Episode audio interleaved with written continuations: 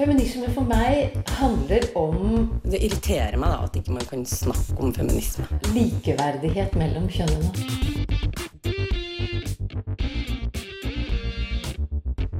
Det blikket på kvinnen på film. handlet det om å bli tatt på alvor som jente. Du hører på Et eget rom på Radio Nova. I dag kan det tas som en selvfølge at vi vet alt som er å vite om prevensjon. Men kanskje vet vi mindre enn vi tror. Så hva skjer med p-piller for menn, og hvorfor er prevensjon så viktig i bistandsarbeid?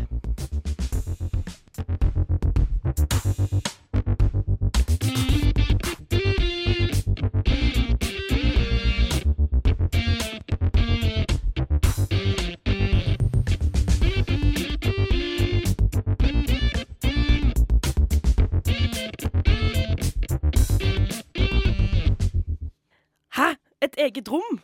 Stemmer det. Eh, kvinnesaken har bytta navn til Et eget rom. Og i studio så sitter Eller jeg står Lisa Aasbø, Eline Hystad og tekniker er Åsa Fredheim. Og eh, i dag så skal vi snakke om prevensjon. Ja. Ja. Vi får snakke snart besøk fra Sex og samfunn, Ja. som kanskje kan hjelpe oss med å avdekke litt myter. Mm. For når vi snakket sammen med hun legen fra Sex og samfunn før sending i dag, så sa hun at hun trodde at det var ganske mye myter ute og går. Mm. Og det tror jeg også. Jeg tror det er fort gjort å snakke ja, Vennegjenger tror jeg kanskje kan ha en tendens til å snakke ting opp litt og være litt uh, leger selv når det gjelder prevensjon. Ja, det tror jeg absolutt kan skje. Det kan fort skje i alle fall òg, at man spaserer veldig mye ting på sine egne erfaringer, og så drar man en konklusjon om at det gjelder sånn for alle, Ja. Uh, og tenker ja, det går kanskje fint, og så er det kanskje ikke så smart allikevel. Og så får vi jo høre litt om eh, prevensjon på en måte internasjonalt perspektiv. Litt Ja. om i bistandsarbeid, og kanskje hovedsakelig ikke internasjonalt perspektiv, men eh, det blir jo litt det, da. Det er ganske viktig. Jeg tror vi, vi tenker jo at vi har et prevensjon og bare kan velge mellom 100 millioner former og hva som passer best til akkurat vår kropp, ikke sant? Mm, Men det her har et, det er et mye større perspektiv her også, absolutt. som det er viktig å få med seg. Det er sant. Vi skal kjøre i gang med litt funky beats fra Antiballas, Antiballas med Dirty Money.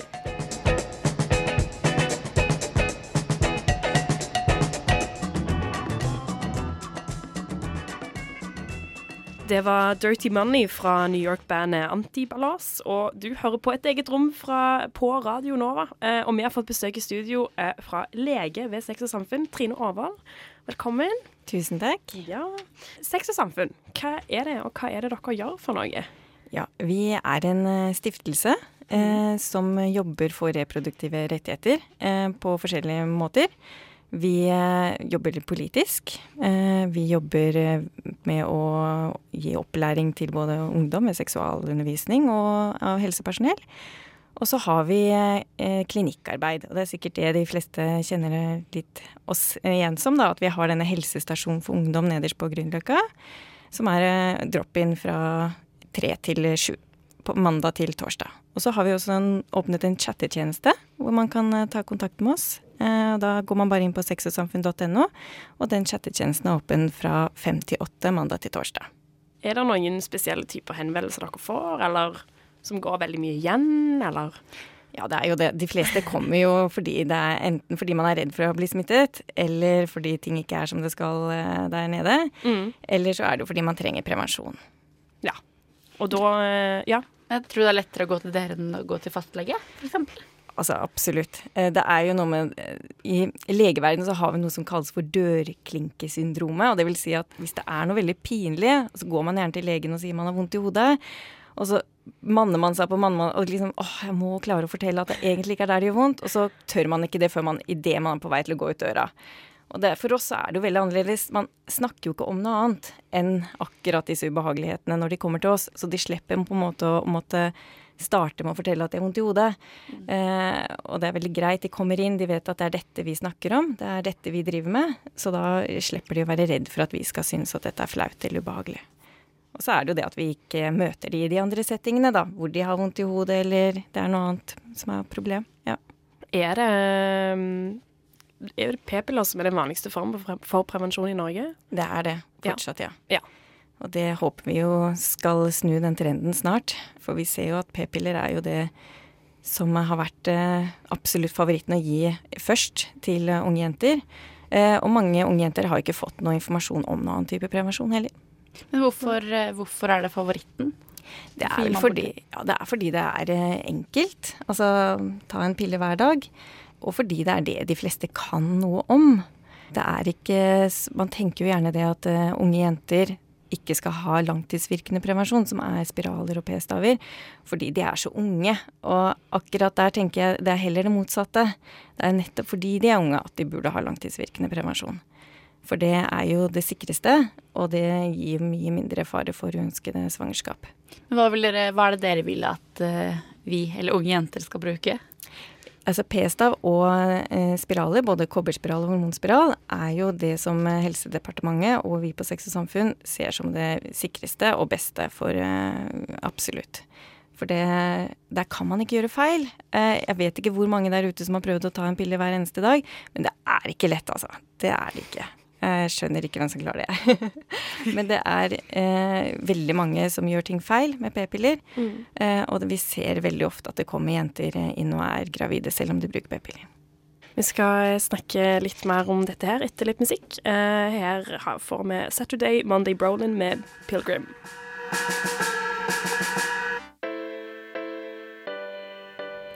Der uh, hørte du Pilgrim med Saturday Mo Monday Brolin. Vi har fortsatt besøk uh, fra Trine Orvold fra Sex og Samfunn.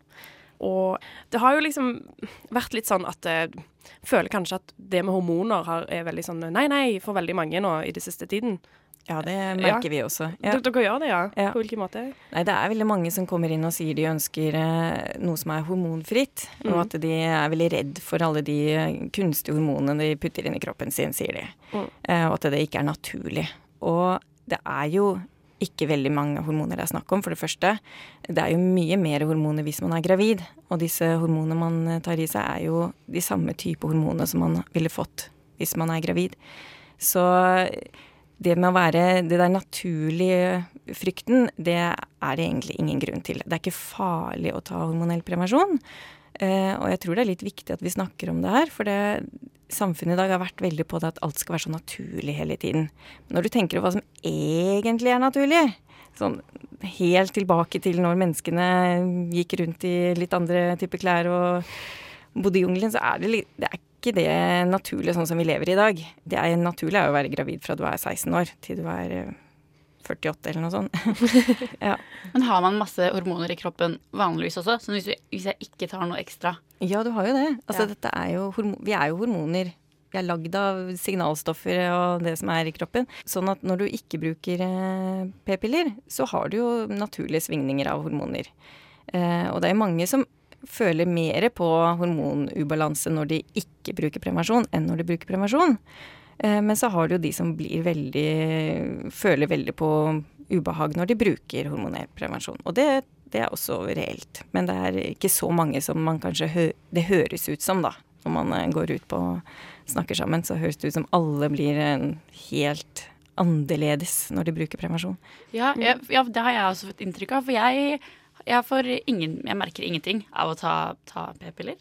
Men når vi begynte å snakke om det, så virka det som om jeg var et stort unntak. Jeg trodde jeg var den eneste som klarte å gjøre det balansert. Men det er heller unntakene som blir ubalansert, altså. Ja, og det er jo litt det som er eh, De fleste som kommer til oss på Sex og Samfunn, merker jo ingen endringer. Og det er jo mange som også har sluttet på p-pillene, som kommer til oss og sier ja, jeg har egentlig ikke gått på p-piller de siste tre månedene, for jeg, jeg ville se hvordan det var naturlig. Men jeg merket ikke noe forskjell. Så jeg vil gjerne begynne opp igjen. Så det, det er nok eh, mer det at man snakker så mye om det i dag. At man er veldig redd for det, og så blir det til at man, man kjenner litt ekstra etter. Kan dette også gjelde meg? Kanskje, kanskje jeg er en helt annen person hvis jeg slutter på p-pillene mine. Ja. Og så prøver man å slutte, og så er det dessverre noen som blir gravide akkurat til den perioden. Men jeg har hørt litt sånn østrogen og det med ikke-østrogen, at det er liksom sånn At det er det som gir blodpropp, og så er det noen som ikke gir blodpropp. Altså er det Hva er, hva er, hva er det for noe? Hva er forskjellen? Ja, og det, altså det er en jungel av prevensjon der ute. Ja. Og det er jo litt derfor det er synd at alle bare lærer noe om eh, p-piller. Det er eh, to sånne hormoner da, som er gjeldende når det gjelder prevensjon og kvinnekroppen. Og det er østrogen, og så er det i kroppen noe som heter progesteron, men når det er i prevensjon så kaller vi det for gestagen. Og det er jo østrogenet som gir de farlige bivirkningene som blodpropp og hjerneslag. Og det er jo kun p-piller, p-ring og p-plaster det gjelder. Så har du masse prevensjon som bare inneholder gestagen. Eh, og det er jo sånne prevensjonsmidler som eh, p-staven, hormonspiral, noe som hørt Ceracet, eh, som noen kaller for minipillen, men minipillen er egentlig ikke det. Det er den som heter kondludag, Og så er det da p-sprøyta. Og disse gir jo ikke disse farlige bivirkningene. Men det som på en måte er forskjellen mellom disse to prevensjonsmidlene, er jo dette med blødningene.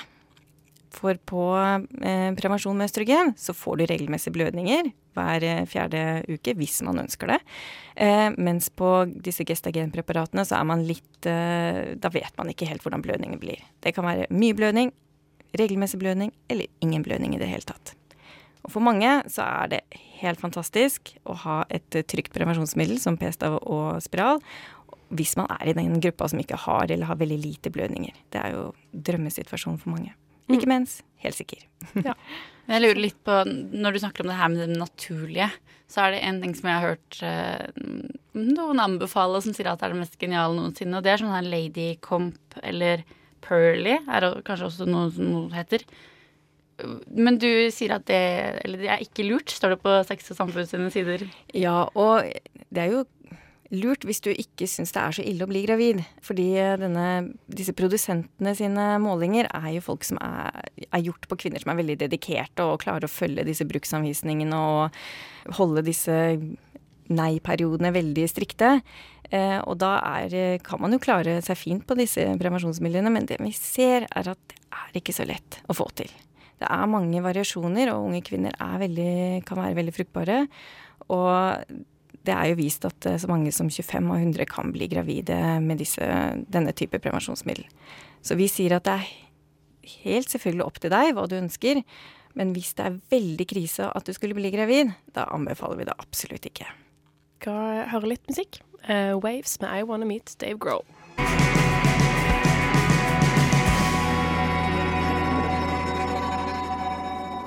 Der hørte du ikke Waves, du hørte Svankropp med Life Crisis. Jeg klarte å introdusere feil sang.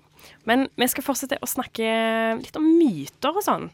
Vi har jo fått avdekka skikkelig mange myter nå allerede, syns jeg. Ja. Jeg syns f.eks. det her med at p-stav var bedre enn p-piller. Overraskende. Ja. Det hører man ikke si om. Nei, det er veldig mange som Altså veldig ofte så får man prevensjonsveiledningen eller prevensjonsundervisningen sin i 10. klasse. Eh, og det er ikke så veldig mange som er interessert i å høre så godt etter da. Det er ikke så mange som trenger det. Og så når man da har begynt litt på prevensjon, og man kanskje virkelig trenger prevensjon, så er det vanskelig å finne god informasjon der ute. Man er litt prisgitt den man uh, snakker med av helsepersonell, og gjerne litt av venninner. For det er jo det vi ser at man gjerne sier 'men min venninne har', 'min venninne sier'. Og det er det som er, da. Det fins veldig mange typer prevensjon fordi det fins veldig mange forskjellige typer kvinner. Og Det er derfor veldig viktig å huske på det. At uh, om noe er helt fantastisk for din venninne, trenger det ikke være det samme for deg, og motsatt. Så hvis en venninne syns at dette, denne p-pillen er helt forferdelig, så trenger ikke det å være det samme for deg. For vi er veldig forskjellige der.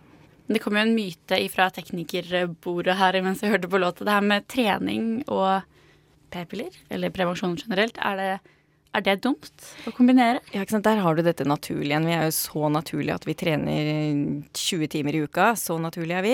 Eh, og da må vi ha full effekt av denne treningen vår. Og derfor har det noen som har skrevet at å nei, hvis du bruker prevensjon, da ødelegger du denne treningen helt. Og det er ikke sant. Uh, og det er jo ganske trist da, at man skal på en måte velge det, treningen framfor det å få lov til å, å slippe å bli uønsket gravid. Så jeg syns vi må begynne å, å, tenke litt på hva prevensjon egentlig er. Og vi er veldig opptatt av dette med selvbestemt prevensjon, for vi tenker at vi er opptatt av at kvinner skal få lov til å velge om de vil ha barn, og når de vil ha barn. Og for å kunne få dette til, så må de ha prevensjon. Og det er fantastisk at vi har fått uh, prevensjon, at det finnes så mange forskjellige typer. Og derfor er vi opptatt av at kvinner som kommer til oss, skal få informasjon om all den prevensjonen de ønsker å få informasjon om, og ta et valg ut ifra at de kan litt om prevensjon. For det er vel ofte kommer man til et sted, og så kanskje fastlegen sin, så får man bare sagt ja, ønsker prevensjon, her har du p-piller. Og så hører du ingenting om p-stav og spiral, og kanskje mener legen at nei, nei, du som bare er 17 år, du skal i hvert fall ikke ha en spiral. For du har jo ikke født engang. Mm. Og det er jo sikkert mange der ute som eh, kjenner seg igjen i, og det er heller ikke tilfellet. Så det er viktig det der med god, objektiv informasjon. Vite hvor du får tak i den gode informasjonen. Nå har vi jo ganske mye fokus på eh, det her med at man ikke skal bli gravid av prevensjon. Men kjønnssykdommer er jo også et perspektiv. Absolutt. Eh, og der har jo ikke de hormonelle prevensjonsmidlene noe særlig effekt. Eh, eller ingen effekt. Det man trenger da, er jo kondom. Og det også er noe man snakker veldig lite om i dag. Eller man snakker om det, men kanskje ikke på den måten vi ønsker at man kan snakke om det. Fordi de som kommer til oss og sier ja, jeg har vært veldig dum. Det er veldig mange som starter sånn, og det er litt trist. Jeg har vært veldig dum, jeg har hatt sex uten kondom. Litt sånn angrende, litt sånn forventning om at vi skal komme med pekefinger, eller Vi vet at det er ikke lett. Og der tror jeg eh, vi er nødt til å snakke litt om hva er det man egentlig Hva er det som er vanskelig? Fordi eh, det er eh, mange som er redd for å ta frem kondomet. Og hva er det de er redd for? Jeg vet ikke om dere har noen eh, tanker om det, men i hvert fall eh, for oss så virker det som man er redd for at man skal eh, tro at man alltid går rundt med kondomer og alltid er klar for å ha sex, eller at man eh, er redd for at eh, den andre partneren skal tro at man beskylder dem for å ha en kjønnssykdom, eller at man, partneren skal tro at man har en kjønnssykdom, eller at man skal ødelegge stemningen for det. Er redd for at eh, partneren ikke har lyst til å ha kondom fordi det er som å spise karamell med papiret på, eller alt det tullet som man sier. Så vi må begynne å snakke litt om eh, dette med, med om det er farlig å ta frem et kondom. Hva kan skje? For jeg har merka litt den viben sjøl, bare fra venninner og litt sånn stemning rundt, at det er veldig mange som bare At det å ha en kondom var liksom ikke i tanken engang. Nei. Så jeg vet ikke om du har noe status på kjønnssykdommer, om det bare har blomstra den siste tiden, eller om jeg vet ikke om dere har merka noe til det, liksom. Du er jo Ja. Ja, nei, det, altså, det, er noe, det er ikke noe blomstring. Det er det ikke. Det er ganske stabilt. Vi ser en eh, Altså, klamydia holder seg ganske stabilt. Eh, vi hadde jo flere som testet positivt for klamydia hos oss eh, i fjor. Eh, men vi hadde også flere som kom og testet seg, og det er kjempefint. Veldig, det virker som det er en bedre trend på dette med å sjekke seg, i hvert fall. Vi har jo også sånn selvtesting hos oss. At man bare kan stikke innom i eh, åpningstiden vår og ta en eh, selvtest. Og slippe å snakke med noen. Og, og det, det ser ut som også er noe guttene syns er greit. For det, vi har fått flere gutter som kommer og sjekker seg òg. Så har man hatt ubeskyttet sex og ikke brukt kondom, så er det bare å komme og sjekke seg. Altså. Det er det aller, aller viktigste man gjør. Men hva er det dere anbefaler? Altså at, at man har eh, hormonell eller ikke hormonell prevensjon som, sånn som mot graviditet, og så bruke kondom ekstra hvis man har sex med noen man ikke kjenner så godt, eller hva? Ikke sant? Ja. Eh, det er jo nettopp det. Man anbefaler jo eh, å bruke kondom med ny partner. Eh, og hvis man da bestemmer seg for at nei, dette, dette virker veldig ut som vi kan ha litt mer stabilt, så er det jo mange som kanskje ønsker å ikke trenge kondomer lenger. Og da er det fint å ha beskyttelse. Og så er det jo dessverre sånn at kondom er et kjempefint eh, prevensjonsmiddel. Eh, hvis det brukes helt riktig, men som mye annet så gjør du sjelden det. Det er mange som opplever at kondomet sprekker fordi man kanskje ikke er så flink til å ta det på. Eh, og det er jo mange som eh, glemmer det, eller husker det kanskje ved første samleie, og så dagen etterpå så glemmer man det. Så det krever litt mer av deg, da, eh, å bruke kondom. Og da er det jo veldig godt og trygt å ha et annet prevensjonsmiddel under. Jeg tror jeg har lært, vi har lært skikkelig masse nå. Jeg har i hvert fall lært Ja, masse. og det er jo enda mer man kan spørre om òg, liksom. Så Ja. Ja. Det jeg tenker er også er litt viktig hvis man velger å bruke kondom som eneste prevensjonsmiddel, så er det jo det at man kanskje har nødprevensjon, eller det som på folkemunne kalles for angrepille. Eh, vi, vi trives best med nødprevensjon, som man kan ta hvis det skulle skje et uhell. For det er jo noen ganger litt vanskelig når man våkner søndag morgen å få tak i nødprevensjon, og da er det godt å ha den liggende i skuffen. Mm. det er veldig sant. Tusen takk for at du eh, ville komme til oss på besøk. Jo, Ja. tusen takk for at jeg fikk komme og prate litt. Og så kan man vel gå inn på nettsidene deres hvis man lurer Ja, på noe mer. Sjekke ut chatten deres. Absolutt. Eh, gå inn og sjekk, og skal man ha prevensjon, gå gjerne inn på hjemmesiden vår og les litt om forskjellige typer prevensjon på forhånd. Veldig oversiktlig hjemmeside. Anbefaler det. Her er Waves med I Wanna Meet Dave Grohl. Du som er sliten og sinna og lei. Nå vil vi synge ei vise til deg om at kvinner kan si fra, protestere og slåss. Bli med hos oss. Du hører på Et eget rom. Likestilling kommer ikke av seg selv. Prevensjon eh, i bistandsarbeid. Det visste ikke jeg noe om. Nei, det er ganske viktig, Ja, viser det seg. ja det viser seg det. Uh, Sofia Fischer har gjort et intervju med Mari Lundeby Grepstad fra Nora. Vi kan høre det her. Hvilke länder er det dere arbeider i? Hvordan velger dere utlender? Veldig mye av bistanden gis gjennom eh, multilaterale organisasjoner, sånn som FN-organisasjoner oh, ja, eller Verdensbanken. Og da blir det jo sånn at Norge da indirekte gir bistand til alle de landene som disse organisasjonene eh, samarbeider med eller jobber i. Så det, men det er eh, de fattigste landene i verden, lavinntektsland, og også i noen tilfeller mellominntektsland, der hvor det er store forskjeller innad i landet. Veldig mange land i Afrika, men også Asia og Latin-Amerika. Man regner med at det er en 220 millioner jenter og kvinner som ønsker tilgang til prevensjon, men som ikke har det.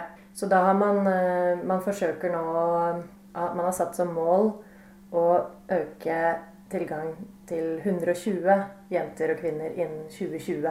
Og Norge er også med på å bidra til det. Hvilken form av hjelp er det ni erbjuder dem? Da kan det være eh, igjen gjennom multilaterale organisasjoner, og da særlig eh, FNs befolkningsfond, UNFPA, bidrar man med å f.eks. gi opplæring til helsepersonell. Det kan være trene opp helsearbeidere til å sette inn en prevensjonsstav, eller eh, gi de en opplæring som gjør at de kan tilby ulike typer av prevensjonsmidler.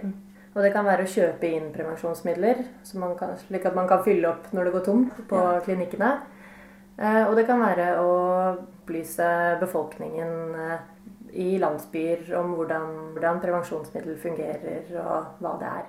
Hva er det for prevensjonsmiddel ni tilbyr? Det er de samme prevensjonsmidlene som man bruker i Norge. Er jo da opptatt av å øke den bruka Eller man vil veldig gjerne øke bruk av kondom, fordi det også beskytter mot eh, seksuelt overførbare sykdommer. Men eh, vi syns også det er viktig å øke bruk av, av prevensjonsmidler som eh, jenter og kvinner selv kan kontrollere. Og særlig langtidsvirkende prevensjonsmidler som f.eks. spiral eller sånn p-stav. Ellers er jo p-sprøyte veldig populært. Som syns det er bra fordi det jo varer ikke like lenge som, eh, som en spiral eller en Mm. p-stav. Og også fordi eh, det er noe man kan ta uten at eh, partneren din eller uten at mannen din vet om det. Og det er jo i veldig mange land og, og steder så er, det, så er man avhengig av mannens eh, tillatelse for å bruke prevensjon. Og da er det mange kvinner som syns at, at p-sprøyte har vært et godt alternativ, for da slipper de å Da kan de lettere skjule det for mannen. Koster det noe for de her at før de må ha preventivmiddel, eller tilbyr de det gratis? I noen situasjoner så må kvinnene selv betale en subsidiert pris. og Ofte så er det også, men ofte er det også gratis, da. Har det vært et problem at folk ikke har hatt råd til det? Ja, det, det tror jeg ofte er en stor barriere. At det er for dyrt. Enten for kvinnen selv, eller eh, også at, eh, at det er dyrt for eh, landene å, å kjøpe inn. Så derfor har Norge bl.a. bidratt til noe som vi volumgaranti, hvor man har gått sammen med andre givere for å garantert for at et visst antall p-staver, i dette tilfellet, skal kunne tilbys eh, til en halvert pris eh, i, eh, i de fattigste landene. Mm. Så Legemiddelselskapet har gått med på å senke prisen mot at Norge og andre garanterer for at de faktisk får solgt p-stavene. Mm. Og det har eh, bidratt til økt tilgang på p-stav i mange land. Det er jo også en stor utfordring at det er dårlig seksualundervisning og i mange land, og lav utdanning og dårlig tilgang på kunnskap.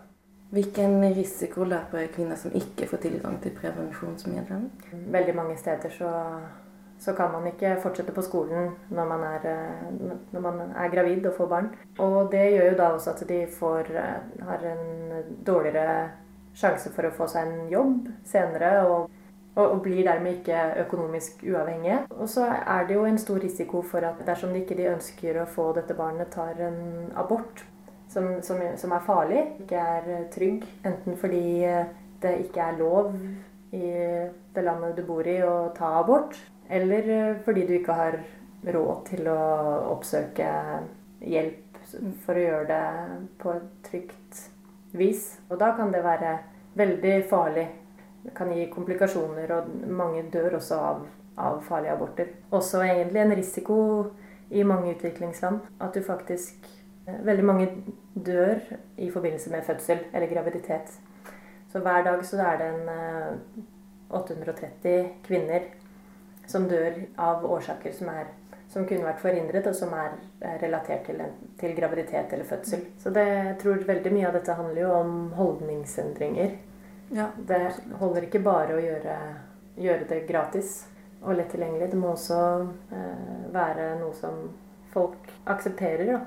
Man blir eh, skikkelig feminist av å reise og se hvordan folk har det andre steder.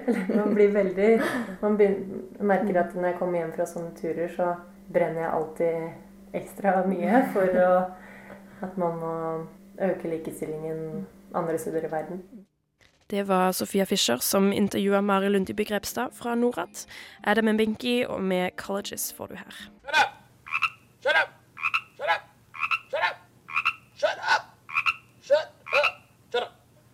Radio Nova. Gir seg aldri. Um, du hører på Et eget rom på Radio Nova, som du hørte der. Og mannlige p-piller, Eline. Det er noe ja, Det er noe som jeg liksom har hørt Jeg føler jeg har hørt så sykt mye om det veldig lenge, om at det kom snart. Det er drømmen til alle hjørnet. jenter, tror du det? Ja. Alle er sånn Å ja, jeg håper alle menn Det føles som det er sånn stort likestillings... eh, Skal jobbe med de mennene for like mye hormoner.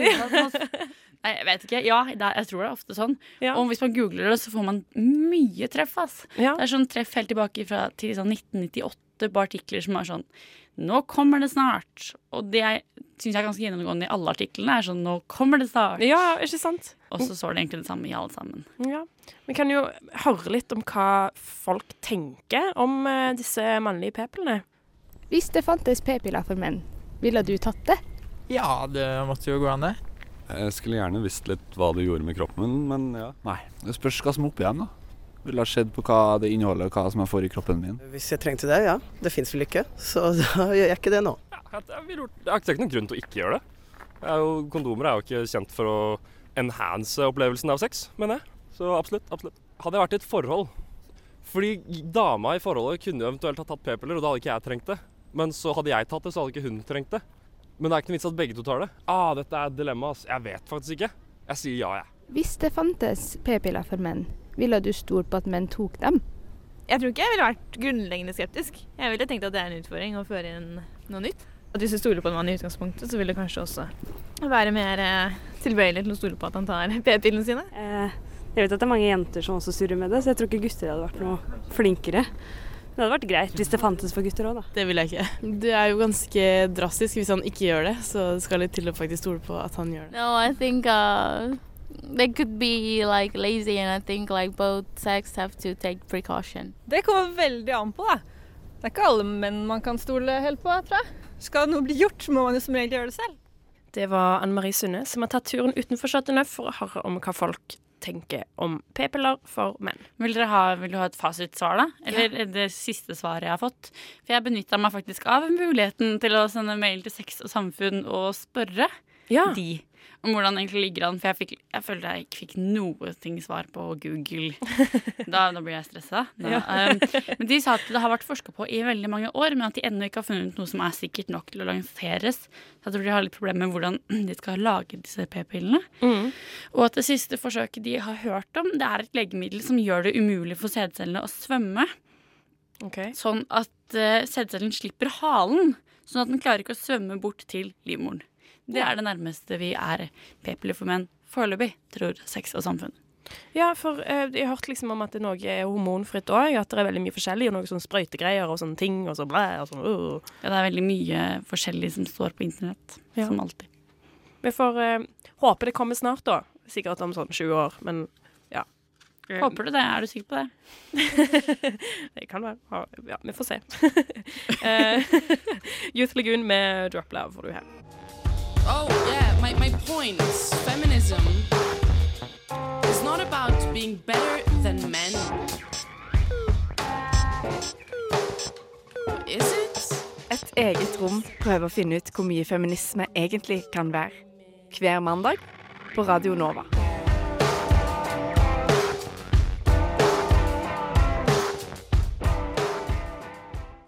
I dag har vi fått eh, avkrefta veldig mange myter om hormonell prevensjon. Ja. Ja. Det er så bra. Ja. Man er, blir ikke immun av p-piller, og man kan trene og få god treningseffekt av Og å gå p-stav er lurt. Ja, p-stav er lurt. Og du kan ta, ta inn en spiral. Ta inn en spiral, ja. Selv om du ikke har født. Ja, det er skikkelig skikkelig viktig, tror jeg. Jeg tror vi kunne snakka om prevensjon megalenge. Ja, vi, vi kunne det absolutt. Men vi nærmer oss slutten, så det kan vi ikke gjøre. Dessverre. Det er Eline Hystad og Lise Aasbø som har vært i studio i dag. Og um, Sofia Fischer og Anne Marie Sunde har bidratt. Og tekniker har vært Åsa Ava Fredheim. Og så må dere huske at nå heter vi ikke Kvinnesaken lenger, men vi heter Et eget rom. Ja. Og hvis, vi, hvis noen lurer på hvorfor, for det har jeg fått mange spørsmål om, og det er ikke så veldig rart, så er det fordi vi syns at det er litt åpnere og mer eh, Altså navnet passer bedre til oss. Ja. For vi snakker jo ikke bare om kvinneting eller kvinnesaker, og vi er eh, på partipolitisk nøytrale. Vi vil egentlig utforske alt som feminisme kan være. Ja, ikke sant? Eh, så du kan Catchy musikk i bakgrunnen her. Skal vi bare si det sånn? Sjekk oss ut på Facebook. Mm. Soundcloud. Neste uke skal vi snakke om miljøfeminisme. Det blir bra. Ja. Det her er Dinner og Turn Me On.